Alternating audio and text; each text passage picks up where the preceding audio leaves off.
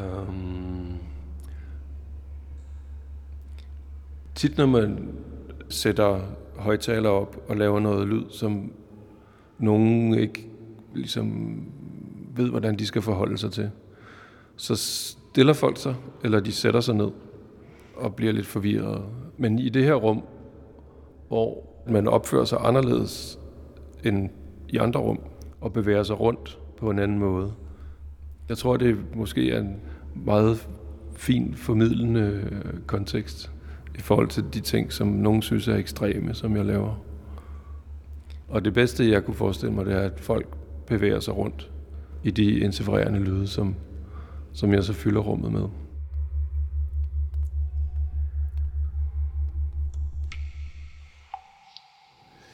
Jeg hedder Tobias Kirstein, og øhm, jeg har arbejdet med lyd og tekst og performance og musik i mange år.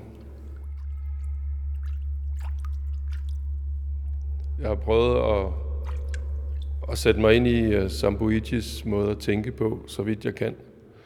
Øh, og hans tanker om det her sted, men også prøve at forstå det her sted i sig selv. Vi er i cisternerne under Søndermarken på Frederiksberg. Og jeg kan ikke huske, hvor mange liter vand, der har været i de her rum. Men altså nogle millioner liter. Det er nogle virkelig, virkelig store rum, lavet af en eller anden slags 1800-tals beton. Og nu har uh, Sambuichi, en japansk uh, arkitekt, bygget et stort træskelet herinde, som, som dufter meget kraftigt. Um, om det er sæder eller noget andet. Der er en meget markant og meget behagelig lugt hernede. Og når man går herned, så øh, det første, man ser, det er et spejl. Øhm, og så går man ind i rummet, og så er det mørkt. Det virker mørkt, fordi man kommer fra lyset. Og så det her spejl, det, det tror man så, så tror man, der er spejle over det hele. Men faktisk så er det mest vand, så man kan slet ikke orientere sig i rummet. Ligesom en kirke, så man bliver selvbevidst. Det er jo kirkens underkastelsesmetode, øh, eller en af dem, ikke? at man bliver stille og ydmyg. Det kan jo være meget fint.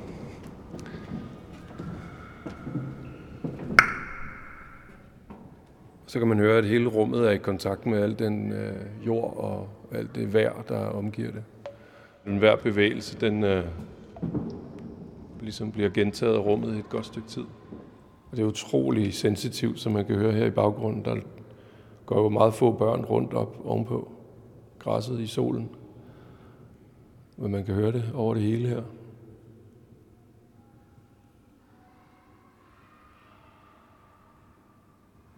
Og hvert rum har jo selvfølgelig sine, sine egne frekvenser, fordi at det er formet, som det er, og fugtigheden er, som den er. Der er ret køligt hernede, og det påvirker selvfølgelig også rummets egen akustik, hvordan lyden transporterer sig ind og, og rammer vægge og, og alle de her fremmede gevækster, der er på øh, søjlerne. Men alle de her spøgelser på væggene, de er så smukke. De her øh, underlige øh, organiske svampe eller alger, og, som presses ud. Det er vist kalk blandet med andre mineraler. Jeg tror, det Nej, jeg ved ikke. Jeg tror, det hedder stalaktitter. Så det er ikke bare bærende søjler, det er også de er en del af noget andet. Og det tror jeg også ham her, Sambuichi, han, han er optaget af, at hans byggeri indgår i den natur. Hvordan solen varmer den ene side af taget på et hus, og ikke den anden. Og vind og vejr og den slags. Så rummet står og lever. Og det er som om, at hele den her iscenesættelse, som han har lavet herinde, den, den fremhæver alle de her tilfældige organiske processer. Vandet står, det står drøber ned i, og der er lidt uro rundt omkring på sådan en rolig, kaotisk måde.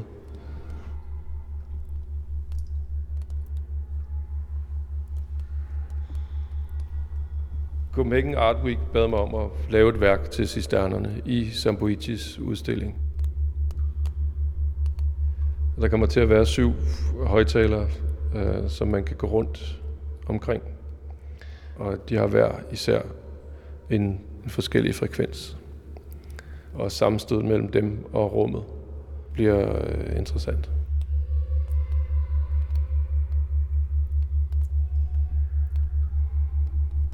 Altså lydene kommer fra en tonegenerator, som har syv øh, oscillatorer, som hver laver deres forskellige lyd. Man kan sige, at når toner rammer hinanden, så interfererer de, og så skaber det sådan en puls. Og det kommer til at, at, at styre ind, altså ligesom hvis man stemmer en guitar, så er der bare så syv strenge her, som kan spille alt fra 0 til 20.000 hertz. Så faktisk både over og under det hørbare. Det er ligesom at stemme et rum. Jeg vil egentlig ikke sige så meget om, om selve det. Det er ikke så spændende at høre om. Jeg tror, det er spændende at, at høre i sig selv og gå rundt i. Og ligesom opleve leve volumen. Og at hvis man bevæger sig i rummet, så forandrer lyden sig også.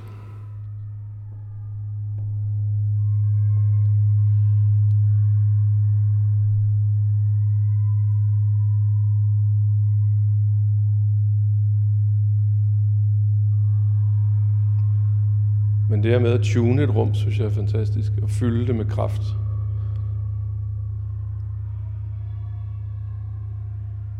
Det er det, jeg synes om. Øh, og det, jeg gerne vil opnå. At det er, at det er kraftfyldt. Og overvældende måske.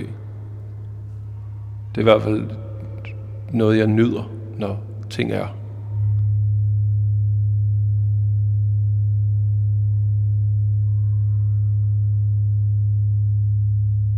Så nogen vil sikkert synes, det er højt, andre vil sikkert synes, det er for lavt. Altså det siger jeg ikke for at være krukket. Det, det er bare det, jeg oplever, når jeg er ude og spille.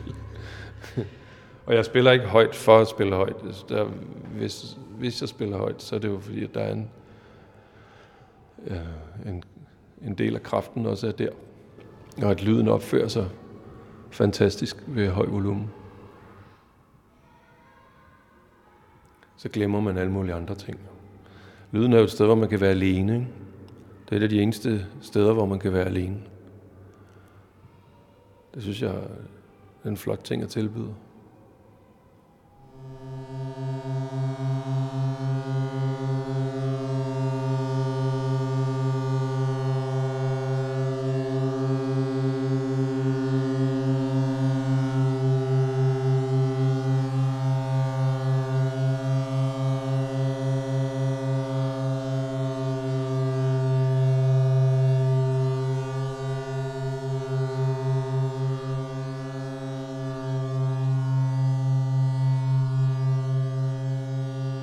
Det er jo som at komme i en slags bad hernede, ikke? Et bad fuld af farver og, og gennemtrængende kraft.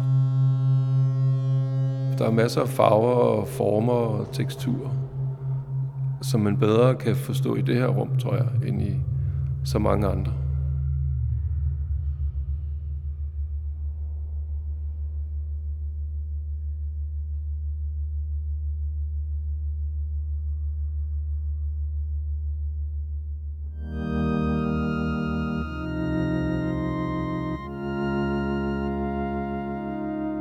Du har lyttet til en særudgave af Lydkunst, produceret til Copenhagen Art Week 2017. Lydkunst består af Anne Neumann Clement og Line Møller Lauritsen, og er produceret med støtte fra Statens Kunstfond og Dansk Kommunistforening. Rigtig god festival.